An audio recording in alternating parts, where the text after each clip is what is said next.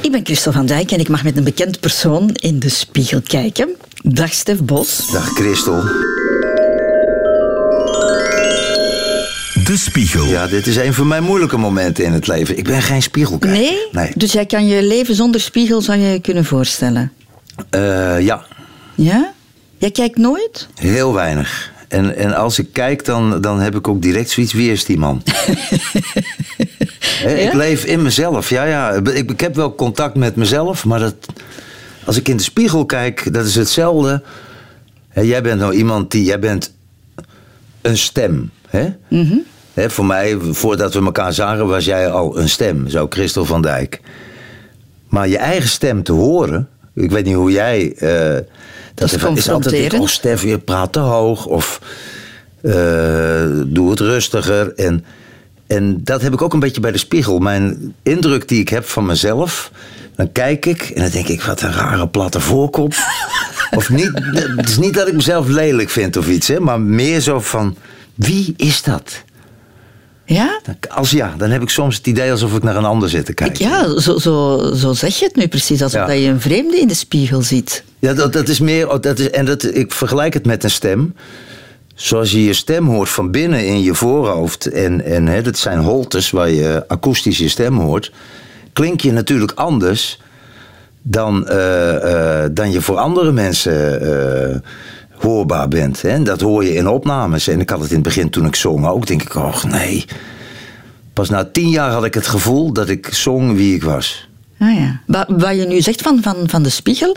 ehm, ik heb dat als ik naar foto's van mezelf kijk. Dan, dan denk ik van, zie ik er nu echt zo Hmm. Ja. uit? Ja, maar foto's zijn nog. Ik zie het bij mijn kinderen. Bijvoorbeeld de middelste bij ons is echt fotogeniek. Eh, en Kolja, de oudste, de zoon.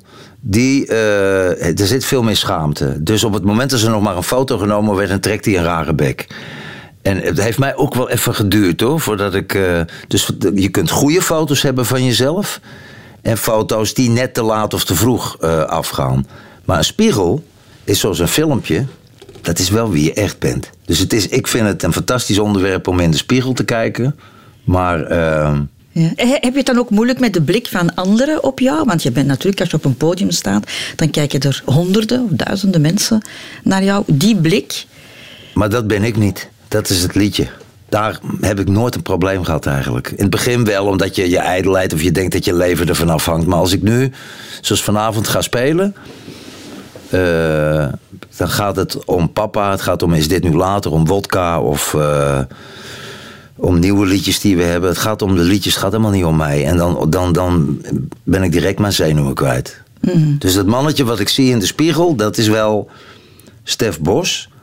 Maar de, degene die op het podium staat, die staat in functie van de muziek daar. En ja. daar ben ik misschien soms wel op mijn best ook. ja. Maar beschrijf eens wat je ziet in de spiegel. Je had al een paar eh, niet flatteuze Nee, wat opmerkingen over jezelf. Maar hoe, hoe zou je de man beschrijven die je ziet? Stel dat je hem niet zou kennen en, en je ontmoet hem. Ik kijk eventjes naar mezelf voor de luisteraars nu. Ik moet aan twee dingen denken. Mijn ogen zijn denk ik de kern. Ook als ik zing. En dat heb ik vroeger van Denise de Weert geleerd. Dat was eh, actrice hier in Vlaanderen. En die zei, eh, zing met je ogen. En ik begreep dat toen niet. En pas twintig jaar later wist ik van... Daarom ben ik ook naar de begrafenis geweest eh, vorig jaar. Dat ik wel veel aan te danken had. Zing met je ogen. Dus dat is het eerste wat iets vertelt. Als ik mijn ogen zie, denk ik van ja, dat klopt wel. Dat is, als er verdriet zou zijn of onrust, dan ga je dat daar ook in zien. De rest van mijn, van mijn kop, nu wat ongeschoren, die baard, eh, dat hakkelige gebit. Weet je, we, komen uit een tijd dat we niet elke keer naar de tandarts gingen, dus die tanden die staan soms helemaal scheef. Ehm, daar kan ik prima mee leven. Zo, ik, ik ben voorbij het punt. Vroeger was ik onzeker, hè, op 16 jaar, onzeker over je uiterlijk. Maar wat ik het mooiste vind van zo'n spiegel. Ik zie mijn voorouders. En dat zag ik vroeger niet. Vroeger zag ik mezelf. En het mooie van ouder worden is dat je beseft: ik ben gewoon een deel van een groter geheel. Dus die, die platte voorkop van mij, hè, dat beetje hoekige. eh, dat is van opa Vanessa, dat de vader van mijn moeder. De neus ook. is van mijn moederskant. En, ehm, en de mond en de, de, de wangen, dus dat is een beetje van de bossenkant, zeg maar, van de familie. Dus allemaal, ook alle luisteraars die nu luisteren, die, die kunnen zichzelf analyseren in de spiegel als een soort puzzel van je voorouders. Ja. En dat schept rust. Dat had ik vanaf mijn veertigste begon ik dat in de gaten te krijgen. En dat is het mooie van een spiegel, dat je denkt van dat ik, waar ik altijd mee bezig was, dat stelt niet zoveel voor. Het is voor een groot deel is het een optelsom van voorouders en wij voegen iets toe in die lijn. En dan kun je het verschil maken. Maar als je denkt dat de wereldgeschiedenis bij jou begonnen is, dat ik dacht toen ik 16 was, dan, heb Dan mag je dat ook denken, hè? Dan moet je dat misschien wel dan moet je dat ook denken. Dat is belangrijk, absoluut. Maar je moet er wel vanaf. Als je dat nog denkt als je 50 bent, dan heb je een probleem. Aha. Je ziet je voorouders. Hè. In het nummer Papa heb je al beschreven wat je van je vader hebt. Hè. De, de handen, de, Ja. de, de rimpels, eh, de mond. Hè. Want Ja. dat was het. Hè. Ehm, zie je ook iets van je moeder? Echt letterlijk eh, van jouw moeder? Ja, eh, de ogen. Denk ik, dat het zit in papa ook. Ik heb dezelfde ogen, maar... Ja, nee, ik heb wel de ogen van mijn vader. Maar alle lijnen daar rond, en dat wil zeggen de humor en de lichtheid... dat is van mijn moeder. Verbeelding. Mijn vader was, eh, was eh, een, een lieve, eh, doch iets wat ernstige man. En mijn moeder had heel veel lichtheid. En die verzon het halve leven bij elkaar, bij wijze van spreken.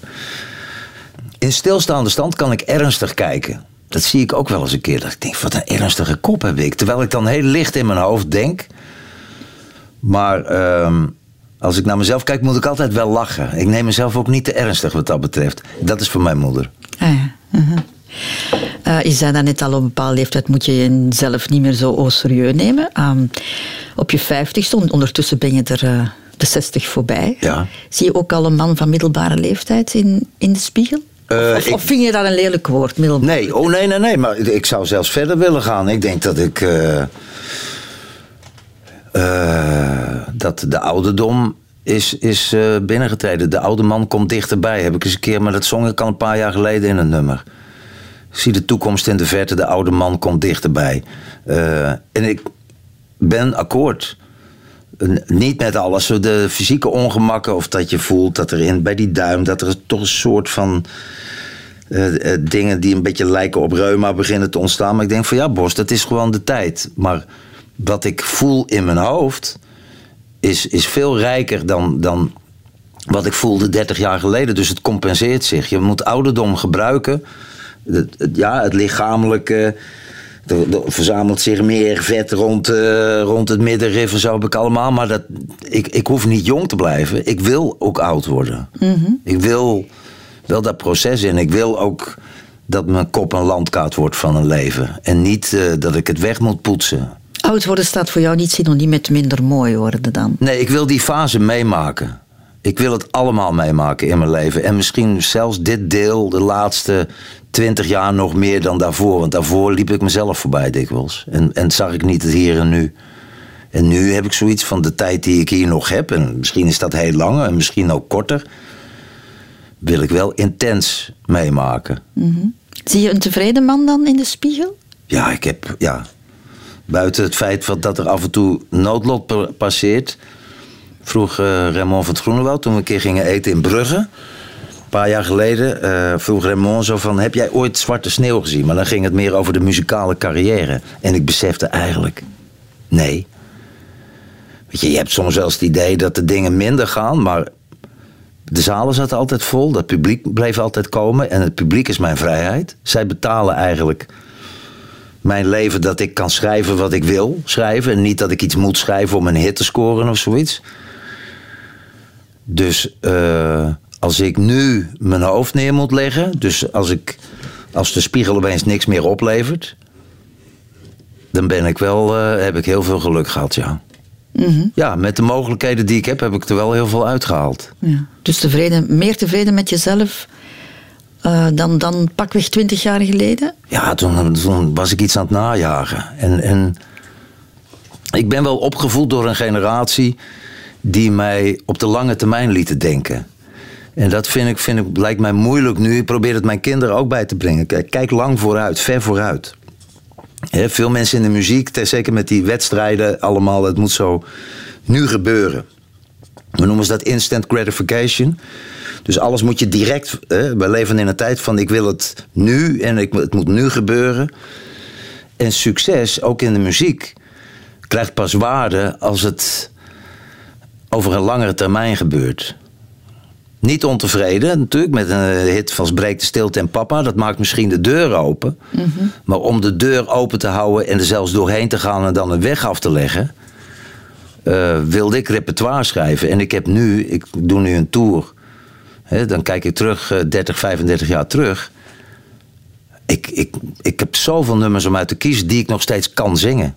Omdat het nooit geschreven is als een hit, maar omdat ik voelde van dit is wat ik nu kwijt wil. eh, eh. Je hebt de tijd gehad om te rijpen. Ja. Hè? Zoiets? Ja, Ja. Welke indruk denk je dat je maakt op mensen als mensen jou voor, de, voor het eerst zien? Is dat een moeilijke vraag? hangt, nee, dat hangt er een beetje vanaf. Er zijn twee kanten. Als ik vol ben van iets, dan ben ik heel enthousiast. Zoals wij elkaar, als wij elkaar terugzien, zoals voor dit interview, dan, dan passeert er ook een trein door de tijd. Weet je, van, van, eh, vanaf het begin jaren negentig en we zijn van dezelfde generatie. Dus dan word ik heel enthousiast en dan moet ik soms een beetje mezelf inhouden. om niet alles te willen delen tegelijkertijd. En er is een kant in mij, die mensen ook kennen, dat ik alleen maar luister.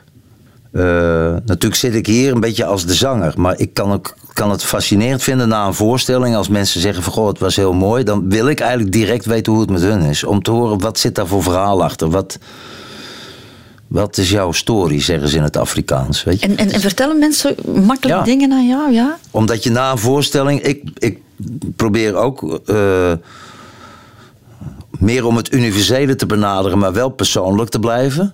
Maar niet dat het over mij gaat, maar dat je dat als een voorbeeld geeft. Weet je, voor, voor iets waar de meeste mensen mee bezig zijn. In een liedje of in een verhaal. Dan maak je dat bij mensen ook los. En als je je dan onder de mensen begeeft, vind ik het wel heel fijn. Dan krijg je soms de meest mooie verhalen. Christel, dat is echt ongelooflijk. eh, En daar zitten vaak weer liedjes in ook. En niet bewust.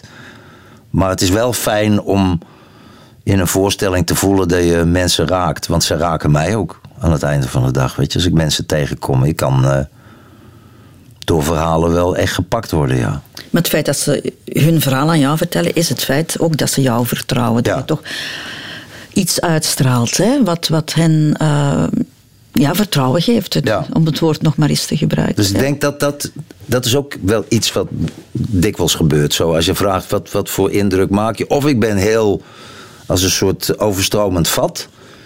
Van enthousiasme en eh, dingen en alles tegelijk. Of ik ben heel eh, in- innemend. Ben je zelf iemand die mensen makkelijk vertrouwt? Ja. Dat is voor mij altijd een ongelooflijk belangrijk uitgangspunt geweest. En dat heeft denk ik te maken met het gezin waar ik uitkom. Ik ben wel zo opgevoed. Dus eh, ik, tre- ik teken ook nooit contracten. Ook niet met de muzikanten. Dat iedereen. Nee, Nee? nooit. Ik, ik zag het laatst, Op dat is nu een voetbalmakelaar overleden, denk ik, eh, on- onlangs. Die, een Italiaanse Nederlander, die Raiola. En die deed dat ook niet. En dat vond ik heel herkenbaar. Ik denk, ik heb het nooit gedaan. Wou ik eigenlijk ook niet. Ook niet met platenfirma's. Als er contracten komen, dan denk ik, dat moet op basis zijn van vertrouwen. En het vreemde is dat ik heel weinig in mijn leven ben bedrogen. Een paar keer, één keer in Zuid-Afrika door een boeker. Eh, intuïtie. Ja, allicht. Zesde zintuig. En, en op het moment dat je vertrouwen geeft, eh, moet je al een enorme klootzak tegenkomen die daar misbruik van maakt. En het, het kan mensen ongemakkelijk maken door gewoon te zeggen: nou, gaan we doen, punt, oké, ik ben mee. Is intuïtie een belangrijk element eh, in, in, in jouw leven? Enfin, intuïtie of, of zesde zintuig, hoe, Ja. hoe je het ook... eh, ja? Ik, ik ontdekte het eigenlijk bij de geboorte van de eerste bij ons. Toen, eh, toen ik in een gebied terecht kwam waar ik helemaal geen verstand van had. hè, Vader worden. En dat is bij mij laat gebeurd. En toen kreeg ik een boekje en dat heette Continuing Concept van eh, Jane Lietloff of zoiets heet die vrouw, denk ik. Een of andere oude hippie. En hoe zou je dat vertalen? Het continue, het voortdurende concept of het voortdurende idee. Het idee dat altijd doorgaat. En het gaat, het is eigenlijk heel simpel. Want ik heb maar één hoofdstuk gelezen, toen was ik al klaar. Eh, ze zegt eigenlijk alles wat wij weten, weten we al, maar we zijn vergeten dat we het weten. Dus wij zijn als mens, leven we al eh, eh, tienduizenden of eh, hoeveel jaar al. En, dus er wordt een kind geboren en eigenlijk weet een vrouw en weet een man genetisch wat, wat er moet gebeuren. Maar wij, wij worden in een tijd grootgebracht waarin de specialisten tegen ons zeggen, hè, soms goed, maar soms ook niet, van nou eigenlijk weet je het niet, je moet dat boek lezen en dat boek en je moet naar ons komen. Wij gaan jou vertellen hoe je een kind grootbrengt. Terwijl een kind ook niet een boek leest als het wordt geboren. Die weet gelijk de weg naar de borst van de moeder te vinden. En toen ik dat las, had ik zoiets nou natuurlijk. En dan kun je nog, weet je, bij, bepaalde dingen waar je het niet weet, ga je naar iemand vragen. Maar wij weten heel veel zelf. Als je dat terugbrengt, dus dat idee tot keuzes die je maakt in je leven. Het, eh, aan het begin, papa, eh, grote hit. En Kustus, mijn platenbaas, vraagt aan mij. En nu? Ik zeg, ik wil voor ik doodga. eh, een paar liedjes schrijven die ik zelf de moeite waard vind. Hij zegt, dan weten we niet of dat een hit gaat worden. Ik zeg, dat maakt me niet uit. Maar dan zet je de lijn. En dat is intuïtie. Het verstand begint dan natuurlijk als een soort duiveltje. Zoals die, bij Bobby in Kuifje heb je dat ook. Dan zie je zo'n engeltje en een duifje, eh, of een duiveltje op een gegeven Ja. moment in een van die... Die eh, discussie gaan met elkaar. ja, zo van, eh, ja, kom aan, drink een beetje van die whisky van kapitein Haddock. Nee, nee, nee, zegt het engeltje. En het duiveltje zegt dan, maar zo'n volgende hit is toch ook wel leuk. En dat is het ook. En er is ook niks mis met een hit, vind ik. Maar op de lange termijn ben je gelukkiger met de beslissing die je intuïtie eh, eh, neemt. Want dat is wie je bent. En ik ben, hoe leuk ik het ook vind om dit soort gesprekken te voeren. eh, ik ben als liedjeschrijver geboren. En het media-ding heb ik altijd een ambivalente verhouding mee gehad. Als ik het echt moest waarmaken, als hè, pak iemand wat iemand als Koen Wouters heel goed doet, vind ik, en die, die kan dat ook. Bij mij werkt het tot een bepaald moment. En dan moet ik terug achter mijn bureau gaan zitten om iets te schrijven, want dat is waarom ik het doe. Dus dan moet je je intuïtie volgen. En dat zijn mijn beste keuzes geweest in mijn leven. Hoe gaat het als je je laat leiden door de reden, door de ratio? dan begin ik strategisch te worden. Dus er zijn een paar momenten waarop ik dat dacht. 1996 vroegen ze mij en Johan Verminnen om een voorstelling rond Brel te maken in de AB in Brussel. Jari de Meulenmeester was toen directeur. En toen dacht ik van, oeh, Johan Antires leefde nog, had ik groot respect voor. En ik denk, die maakt ons af. Was zo'n Brel-fanaat, maar die had ook zo'n gouden pen en zo'n venijn in zijn pen. Ik denk, die maakt ons af. Eh 30 jaar later eh, vroegen ze mij voor beste zangers in Nederland. En dat vond ik eigenlijk een beetje een programma. Dat, dat- ik denk dat is ook wel heel plakkerig, weet je. Het kan wel heel verkeerd zijn. Dat is de liefde voor muziek in Nederland. En alle twee die keren heb ik besloten. Wat mijn hoofd op dat moment zei van. hmm, zou er nog eens over nadenken. Zei mijn hart of mijn buik. Doen. En ik wist eigenlijk niet waarom. En met Brel had ik het idee van. Als je strategisch begint te denken over dat je kop eraf gaat, dan moet je in de filosofie van Brel het juist doen. Hè, dan, het hoofd wist achteraf wel waarom, maar het hart besliste eerst. Want ik voelde, ik moet me met Brel een keer verhouden. Of het misgaat of niet, doet er niet toe. Maar begin maar eens een vertaling te maken van Chef of eh, Le Désespéré. Dan ga je sowieso onderuit, want je komt nooit bij het origineel. En eh, bij Beste Zangers had ik zoiets van... Ga eens op je oude dag op avontuurbos. Ga maar met een paar jonge gasten op Ibiza zitten en vertel jouw idee maar eens over muziek. En het Beetje waren- uit jouw comfortzone, toch? Hè? Ja, alle twee de beste keuzes in mijn leven. Intuïtie. We gaan nog eens even in de spiegel kijken. Ja. We hebben daar een man van, van middelbare leeftijd. eh, Ja, zeg maar, ah, wordt toch ouder hoor. Ehm, zie je ook een mooie man? Of aantrekkelijke man? Charismatische man? Hoe, hoe... Ehm, Geef jezelf eens een compliment. ja, ik denk wel dat ik nu. eh, als ik ook met beelden zie van vroeger, hè, als ik zong. Ja, er, zit, gebeurt veel meer in mijn kop nu. Als ik zing. Ik zeg ook tegen de, onze lichtman, die wil dan wel eens mooie plaatjes maken. Ik zeg nee, ik, als ik zing, communiceer ik met mensen in de zaal. Niet met een massa, met, met individuen. Dus ze moeten wel die kop zien. Ik weet niet, ik regisseer mijn gezicht niet. Maar ik weet wel eh, dat ik nu meer te vertellen heb. En misschien omdat ik het met minder nadruk doe. Vroeger als ik papa zong was het van... Papa! Of is dit nu later? Dus elk woord heeft een nadruk. En nu zing ik van... Weet je, eh, is dit nu later? En dan pas later misschien in het nummer... dat ik er een beetje... dat ik hem een power begin te geven... Dus ik heb veel meer, hoe moet je dat zeggen, veel meer lagen waarin ik kan communiceren in de muziek en in de, in de, ook in mijn kop. Dus als ik nu in de spiegel kijk. eh, en ik neem niet altijd de tijd om terug te kijken. Ja, ik weet wel, we hebben wel een weg afgelegd. Jij ook, weet je. En dus de, het palet waarover ik nu beschik, zolang het nog kan. En dat klinkt een beetje dramatisch, maar dit is wel het moment in mijn leven waarop ik kan excelleren, voel ik. Mhm. Maar ik had het over jouw uiterlijk, beste Stef. Ja, maar dat, dat is het ook. Dat zit daarin. Rimpels. Ik heb daar ook geen probleem mee zo. Ik heb er mijn leven lang aan gewerkt om die rimpels te krijgen. En nu komen ze een beetje. Ik vond altijd die kop van Simon Kamichelt. Mhm. De schrijver vond ik geweldig. Dat was een soort eh, Grand Canyon eh, eh, in een gezicht. Ja.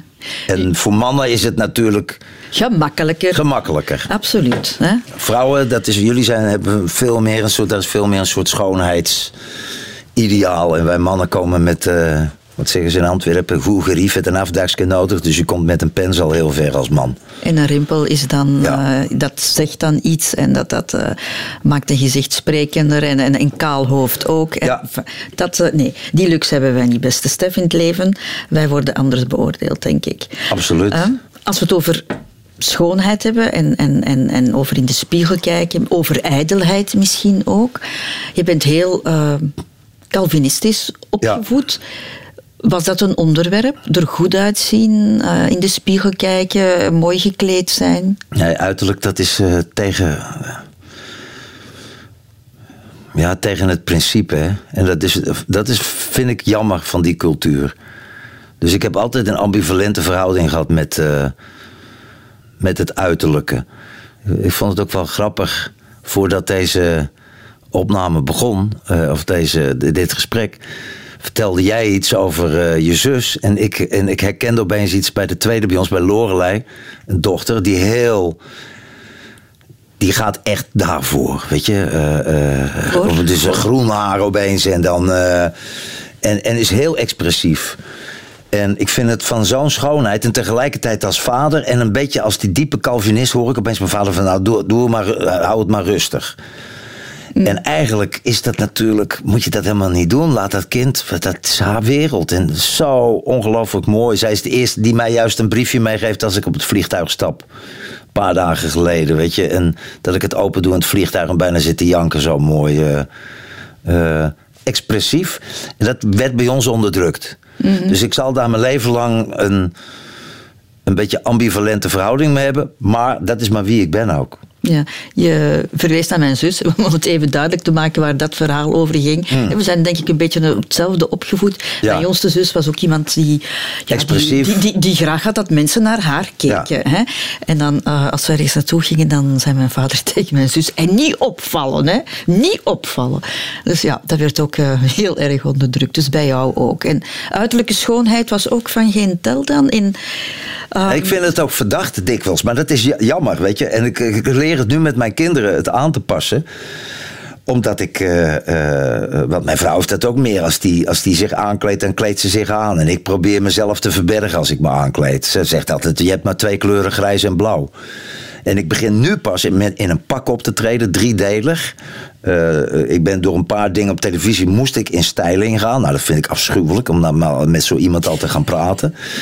En die willen jou dan dikwijls in iets steken waar je helemaal geen zin in hebt. Precies, maar niet op mijn oude dag heb, kan ik mijn keuze maken. En heb ik zoiets, oké, als we het gaan doen, dan wil ik het eh, eh, op mijn manier. Dus ik leer het. Ik leer het op mijn zestigste om niet de ijdelheid, maar wel me een beetje durven te laten zien, misschien. Mhm. Het is al duidelijk, in de spiegel kijken, dat doe je niet zo graag. Doe je ook, ook, ook niet veel.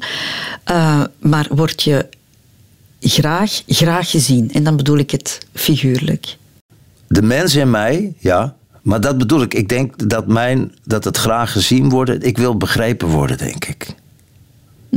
Nog veel belangrijker. Het zien heb ik vanaf mijn 16 een beetje losgelaten. Ik was heel onzeker over mezelf. Met mijn puistjes en mijn dingen. En ten aanzien van meisjes ook. Ik denk. Ik begreep ook nooit dat. Ik moest mezelf overtuigen dat een meisje mij leuk vond, bij wijze van spreken. Daar zat veel onzekerheid. En die de Kleer die zei vroeger wel eens: ja, maar daar gaat, daar gaat ook een podium voor op. Hè? Misschien speelt dat allemaal wel een rol. Ik had daar, was daar onzeker over en dat is altijd een beetje gebleven. Dus ik ben ook een beetje een nerd eigenlijk. Mijn vrouw zegt dat ook: je ziet het niet. Weet je, ook als vrouwen geïnteresseerd zijn, ze moeten me erbij sleuren. Dat is bij mijn vrouw ook gebeurd. Op de hoek van de suikerrui in Antwerpen zei ze tegen mij in het Afrikaans: Gaat het nou nog een eeuwigheid duren voordat je me kust? Want ik ben dan maar aan het oreren en aan het praten. Een romanticus. Maar daar heb je geen flikker aan natuurlijk, daar gebeurt er nooit iets. En ehm, dus ja, graag gezien worden, maar eigenlijk misschien omdat ik voel dat ik een verhaal wil vertellen. En het verhaal komt niet alleen van mij, dat is, komt overal vandaan. Dus vooral begrepen willen worden. En dan hm. komt het zien wel. Hm. Laatste vraag die ik aan iedereen stel. Hè? Uh, wat vind je het mooiste aan jezelf? En dat bedoel ik heel letterlijk. Je mag je hele lichaam taxeren. Ah, ja, jouw tenen mogen ook. Uh, die mogen ook in ogen. Ja. Ja. ja, dat begint ook alles is een heel mooi verhaal van Alessandro Barrico, Italiaanse schrijver. En ik, ik positioneerde dat altijd ergens in Knokken of eh, zo ergens bij de Haan, hier aan de kust in België. En er is een man die niet meer weet hoe die moet schilderen. En dat was ooit de beste portretschilder van de hele wereld. Maar die was klaar, die kon het. En ze zeiden van, weet je, hij vertelde altijd wat de essentie van een portretschilder is. Als je iemand zijn ogen kan schilderen en je hebt die ogen, kun je daarna je ogen dicht doen en dan het rest van het gezicht kun je perfect daar rond doen, want dan heb je de kern van iemand te pakken. En op een gegeven moment besluit hij geen portretten meer te schilderen. Hij wil iets anders en hij wil de zee schilderen. En hij staat daar de hele dag aan het strand, al een jaar, en het lukt hem niet. Want hij kan de ogen van de zee niet vinden. En dan staat er op een gegeven moment een klein kindje naast hem in dat verhaal. Dat is weergeloos mooi. En staat daarnaast en zegt, maar wat doet u hier meneer? Want hij staat gewoon met water te schilderen. Want hij wordt zo wanhopig dat hij denkt... dan misschien als ik met water schilder... dat ik die zee wel kan pakken. En het lukt hem niet. En dan zegt dat kindje opeens tegen hem... maar je kijkt niet goed. Die man zegt van, wat weet jij er nou van? Meneer, u kijkt niet goed. De schepen aan de horizon zijn de ogen van de zee. En op dat moment kan hij de zee schilderen. Dus ik voel ook eh, en dat is ook in onze tijd met sociale media, waar wij denken dat we elkaar contact hebben met elkaar. Wij zitten hier nu in gesprek, jij en ik. Als we niet in mekaars ogen kunnen kijken, dan is er niks gebeurd. En wegkijken is een deel daarvan. Maar altijd, dat is toch vreemd, hè? Hoe, hoe, als dat er niet is, dan heb je niet met elkaar gesproken eigenlijk. Mhm. En zo'n spiegel is daarin fantastisch, want dan moet je in je eigen ogen kijken. Maar dat is, dat is een soort zee waar je dan. Uh, en als je probeert de schepen van de horizon maar te zien. Uh, Blauwe ogen, expressieve ogen. Voilà. We hebben jou helemaal getaxeerd, of van jij hebt dat, uh, hebt dat zelf gedaan, Stef Bos. heel hartelijk dank daarvoor. Heel graag gedaan. Het was aangenaam vertoeven voor de spiegel. De spiegel.